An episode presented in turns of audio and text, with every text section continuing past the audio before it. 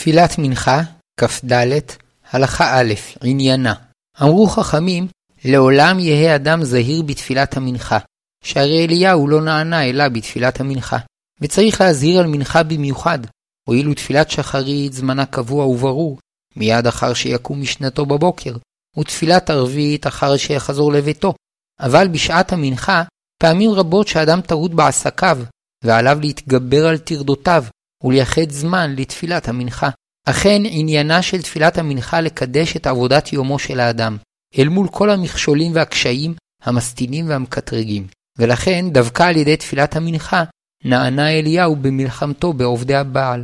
בתפילת המנחה אדם מקדש את חיי המעשה שלו, ולכן יש ממנה קידוש השם מיוחד, ואולי לכן נקראה תפילה זו מנחה, לשון נדבה ומתנה, כי בתפילת שחרית כבר קיימנו את חובתנו להודות להשם על כל הטוב שנתן לנו, ובתפילת מנחה אנו מוסיפים ומתפללים. תפילת שחרית היא על מה שהשם נתן לנו ברוב חסדיו, ותפילת מנחה עולה מתוך חיי המעשה שלנו. תפילת מנחה, כ"ד, הלכה ב', סדר התפילה. רוב הגאונים והראשונים סוברים שאין צריך לומר קורבנות לפני תפילת מנחה. וכן הרמב"ם ושולחן ערוך לא הזכירו שאומרים קורבנות במנחה. ויש מהראשונים שכתבו לומר את פרשת התמיד והקטורת לפני מנחה. שכשם שראוי לאומרם לפני שחרית, כך ראוי לאומרם לפני מנחה.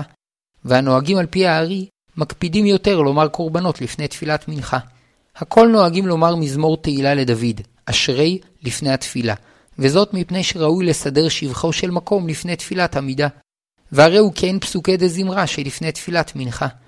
אמנם אין חיוב גמור לאומרו לפני מנחה, ולכן כשזמן מנחה עומד לעבור, ידלג על תהילה לדוד, ויתחיל מיד בעמידה. וכן כאשר הציבור עומד להתחיל עמידה, ידלג על תהילה לדוד, כדי שיתחיל להתפלל יחד עמהם במניין. אחר תהילה לדוד, אומר החזן חצי קדיש, ואחריו מתחילים להתפלל עמידה בלחש. ואחר כך החזן אומר את חזרת השץ, ואין הכהנים נושאים את כפיהם בחזרת השץ. מחשש שמא ישתו יין בסעודה שלפני כן, ויבואו לישא את כפיהם באיסור. אבל בתענית ציבור אין חשש כזה, ולכן נושאים כפיים, ובתנאי שמתפללים אחר פלג המנחה. אחר התפילה אומרים תחנונים. למנהג ספרד וחסידים אומרים וידוי, י"ג מידות רחמים ונפילת אפיים. ולמנהג אשכנז ותימן בלדי אומרים רק נפילת אפיים. אחרי התחנונים החזן אומר קדיש תתקבל, ובימים שאין אומרים בהם תחנון, החזן אומר קדיש תתקבל אחר חזרת השץ. ספרדים אומרים למנצח בנגינות, ואחריו קדיש יתום, ומסיימים את התפילה בעלינו לשבח. והאשכנזים אינם אומרים למנצח, ואומרים קדיש יתום אחר עלינו לשבח. תפילת מנחה, כ"ד, הלכה ג' זמנה כנגד זמן התמיד. תקנו חכמים את זמנה של תפילת המנחה כנגד תמיד של בין הארבעים. מעיקר הדין, זמן התמיד אחר שש שעות, שאז הוא חצות היום, והחמה מתחילה לנטות לצד מערב. אלא שחששו חכמים שמא יטעו בהערכת מקומה של החמה, לפיכך תקנו שרק אחר חצי שעה יוכלו להקריב את התמיד של בין הארבעים. נמצא שזמן מנחה מתחיל בשש שעות ומחצה של היום. בפועל נהגו להקריב את התמיד של בין הארבעים אחר תשע שעות ומחצה של היום, מפני שתמיד של בין הארבעים הוא הקורבן האחרון, החותם את היום, ואחריו אי אפשר היה להקריב עולות ושלמים, חטאות ואשמים. לפיכך, דחו את הקרבתו לאחר תשע שעות ומחצה. ורק בערב פסח שחל בערב שבת, היו מקריבים את התמיד מיד אחר שש שעות ומחצה, מפני שזמן הקרבת הפסח אחר קורבן התמיד, וכדי להספיק להקריב את קורבנות הפסח של כל ישראל עד כניסת השבת, נצרכו להקדים את הקרבת התמיד ככל האפשר. זה שורש חלוקת זמן המנחה לשני חלקים, מנחה גדולה ומנחה קטנה. זמנה של מנחה גדולה משש שעות ומחצה ועד תשע שעות ומחצה, ומצד הדין זמנה ראוי להקרבת התמיד, אולם בפועל, רק במקרים נדירים, התמיד הוא קרב במנחה גדולה, וזמנה של מנחה קטנה מתשע שעות ומחצה ועד סוף 12 שעות, כלומר עד סוף היום, ובה היו רגילים להקריב את התמיד של בין הארבעים, וקראו למנחה הראשונה גדולה, מפני שזמנה ארוך יותר, שלוש שעות, והשנייה שזמנה שעתיים ומחצה, נקראת קטנה. וכבר למדנו ששעות אלו זמניות, מחלקים את משך היום ל-12 חלקים, וכל חלק נקרא שעה זמנית, בקיץ שהיום מתארך השעות ארוכות, ובחורף שהיום קצר, השעות קצרות. כיוון שבפועל היו מקריבים את התמיד במנחה קטנה, לדעת הרמב"ם, לכתחילה צריך להתפלל מנחה באותה שעה, ורק בדיעבד אפשר לצאת ידי חובת מנחה בזמן של מנחה גדולה, וכך נפסק בשולחן ערוך. אמנם מנגד, יש סוברים שכיוון שמעיקר הדין זמן התמיד מתחיל משש שעות ומחצה, אפשר לכתחילה להתפלל מנחה בזמן של מנחה גדולה. ויש אומרים שאף ראוי לכתחילה להקדים את תפילת המנחה ככל האפשר, שזריזים מקדימים למצוות. למעשה, עדיף להתפלל בשעת מנחה קטנה. אולם בשעת הצורך אפשר לכתחילה להתפלל מנחה גדולה. למשל, מי שיש לו שתי אפשרויות, להתפלל במניין מנחה גדולה, או ביחידות מנחה קטנה, עדיף שיתפלל במניין מנחה גדולה. וכן מי שנוהג לאכול ארוחת צהריים אחר שהגיע זמן מנחה גדולה, אף שלהלכה הוא רשאי לסמוך על המקילים ולאכול לפני שיתפלל מנחה, לכתחילה טוב יותר שיתפלל במניין לפני כן, וכן נוהגים בישיבות רבות. תפילת מנחה, כ"ד, הלכה ד', סוף זמנה. זמן תפילת המנחה נמשך עד הערב, אלא שנחלקו הפוסקים עד מתי בדיוק זמנה, ומחלוקתם תלויה בשאלה מתי מסתיים זמן הקרבת התמיד של בין הארבעים. יש אומרים שזמן זריקת דם התמיד היה עד שקיעת החמה בלבד, ולכן עד שקיעת החמה אפשר להתפלל מנחה.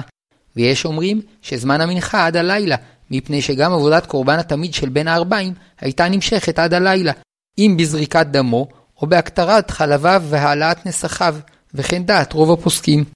למעשה, צריך להשתדל לסיים את תפילת מנחה עד שקיעת החמה, אולם בדיעבד, אפשר לסמוך על דעת רוב הפוסקים ולהתפלל עוד כ-14 דקות אחר השקיעה, שעד אז לכל הדעות עוד לא התחיל הלילה. ולמעשה, עד 4.8 מעלות מעבר לאופק. גם י"ג מידות רחמים ונפילת אפיים אפשר לומר באותו הזמן. מי שיש לו אפשרות להתפלל ביחיד לפני השקיעה, או בציבור אחר השקיעה, יש אומרים שעדיף שיתפלל ביחידות לפני השקיעה, ולדעת רוב הפוסקים, עדיף שיתפלל בציבור אחר השקיעה. מניין שהתחיל להתפלל מאוחר, יש אומרים שלא יוותרו על חזרת השץ, אף שתיאמר אחר השקיעה, ויש אומרים שמוטב לוותר על חזרת השץ כדי שלא לאומרה אחר השקיעה, ויתחיל החזן את שלוש הברכות הראשונות בקול רם, כדי לזכותם בקדושה, ולשתי הדעות מקום בהלכה, וכשיש שם רב, הוא צריך להכריע בשאלות כאלה. תפילת מנחה, כ"ד, הלכה ה' דברים האסורים לפני מנחה. כדי שלא ישכח אדם להתפלל מנחה, תקנו חכמים שמחצות היום ואילך צריך כל אדם להיזהר שלא להתחיל בפעילות שעלולה להסיח את דעתו עד שישכח להתפלל. לפיכך, לא יתחיל בעבודה שקשה להפסיקה באמצע, וסיומה עלול להימשך עד אחר סוף זמן התפילה. וכן לא יתחיל בעבודה שיש לחוש שתיווצר בה תקלה שתיקונה יימשך עד אחר זמן התפילה, ולא ילך לקניות שעלולות להימשך עד לאחר סיום זמן התפילה, וכן לא ילך לשחות בבריכה כשיש חשש שמא ישהה שם עד שיעבור זמן התפילה. אבל במקום שאין חשש שמא ישכח להתפלל מנחה, כל הדברים הללו מותרים. למשל, מי שנמצא במקום שקוראים לו לבוא לתפילת המנחה, רשאי להתחיל בכל עבודה, וכן מותר להתחיל בכל עבודה, כאשר ידוע שעומדים לסגור את מקום העבודה לפני סוף זמן מנחה. וכן מותר לערוך קניות במקום שקוראים לאנשים להתפלל מנחה בציבור, או כשביקש מחברו להזכיר לו להתפלל מנחה. וכן מותר להתרחץ במקום שסוגרים את הבריכה לפני שיעבור זמן המנחה. או כשהוא רגיל לשחות זמן קבוע, ואין חשש שיגרר וישהה שם עד סוף זמן המנחה. עבר והתחיל באחד מן הדברים העלולים להימשך זמן רב, אם לפי הערכתו הוא עתיד לסיים את עיסוקו לפני סוף זמן מנחה, כיוון שכבר התחיל בעיסוקו, אין מטריחים אותו להפסיק באמצע, ויתפלל אחר שישלים את עניינו, ואם נראה לו שעיסוקו יימשך עד אחר סוף זמן מנחה, יפסיק מיד ויתפלל מנחה. בעבר אסרו חכמים להסתפר בזמן המנחה. אולם כתבו האחרונים שכיום, שהתספורת מסתיימת בזמן קצר מאוד, ואין חשש שמא תארה תקלה במספריים או במכונת התספורת, מפני שלכל ספר ישנם כמה מכונות וזוגות מספריים, מותר להסתפר גם אחר שהגיע זמן המנחה. תפילה, כ"ד, הלכה ו', סעודה לפני תפילת מנחה. משעה שהגיע חצות היום, צריך להיזהר שלא לשכוח להתפלל מנחה. לפיכך, לא יתחיל בסעודה גדולה קודם שיתפלל מנחה. וסעודה גדולה היא סעודה רבת משתתפים, כגון סעודת ברית מילה, שבע ברכות ופדיון הבן. אבל סעודת שבת אינה נחשבת לסעודה גדולה.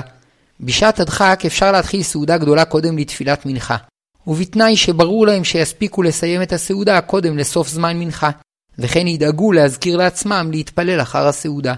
חצי שעה לפני מנחה קטנה, כשלוש שעות לפני שקיעת החמה, אסור למי שלא יתפלל מנחה לאכול סעודה קטנה. ואם יש שם מי שקיבל על עצמו אחריות להזכיר לו להתפלל, מותר לאכול. ואפשר במקום זה לכוון שעון שיצלצל לקראת שעת התפילה. אלא שצריך להקפיד שמיד כשהשעון יצלצל, יפסיק מסעודתו וילך להתפלל. יש מהדרים שלא לאכול אפילו סעודה קטנה אחר חצות היום קודם שיתפללו מנחה. ולכן נוהגים בישיבות רבות להקדים ולהתפלל מנחה בצהריים, כדי שאחרי התפילה יוכלו לאכול ארוחת צהריים לפי כל השיטות. תפילת מנחה, כ"ד, הלכה ז', דעת רבי יהודה. המנהג הרווח כדעת חכמים, שזמן מנחה נמשך עד סוף היום, ואחר צאת הכוכבים הוא זמן מעריב. אולם לדעת רבי יהודה, זמן מנחה הוא עד פלג המנחה. פלג הוא חצי, כלומר, מחלקים את זמן מנחה קטנה לשניים, וכבר למדנו שזמן מנחה קטנה משעה תשע וחצי של שעות זמניות ועד סוף 12 שעות, כלומר שעתיים וחצי, ואם כן, פלג הוא שעה ורבע.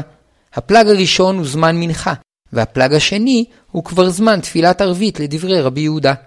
וזאת משום שבפועל הכהנים היו מזדרזים ושוחטים וזורקים את דם התמיד בפלג הראשון של מנחה קטנה, ולכן אז הוא זמן המנחה. ובפלג השני כבר היו מעלים את איברי המנחה על המזבח, וכיוון שתפילת ערבית נתקנה כנגד העלאת האיברים, אז מתחיל זמנה. ולחכמים, הואיל ומצד הדין אפשר לזרוק את דם התמיד עד סוף היום, גם זמן מנחה עד סוף היום. וזמן ערבית תואם את זמן קריאת שמע של ערבית שהוא מצאת הכוכבים. למעשה, אין הכרעה במחלוקת זו, ומסקנת התלמוד שרשאי אדם לבחור לנהוג כחכמים או כרבי יהודה. והוסיפו הראשונים, ובתנאי שיאחוז מנהג אחד, שאם ינהג כרבי יהודה, אזי יקפיד שלא יתפלל מנחה אחר פלג המנחה, ואם ינהג כחכמים, אזי יקפיד להתפלל ערבית אחר צאת הכוכבים. אבל אסור להתפלל מנחה אחר פלג המנחה כדעת חכמים, ומעריב לפני צאת הכוכבים כדעת רבי יהודה.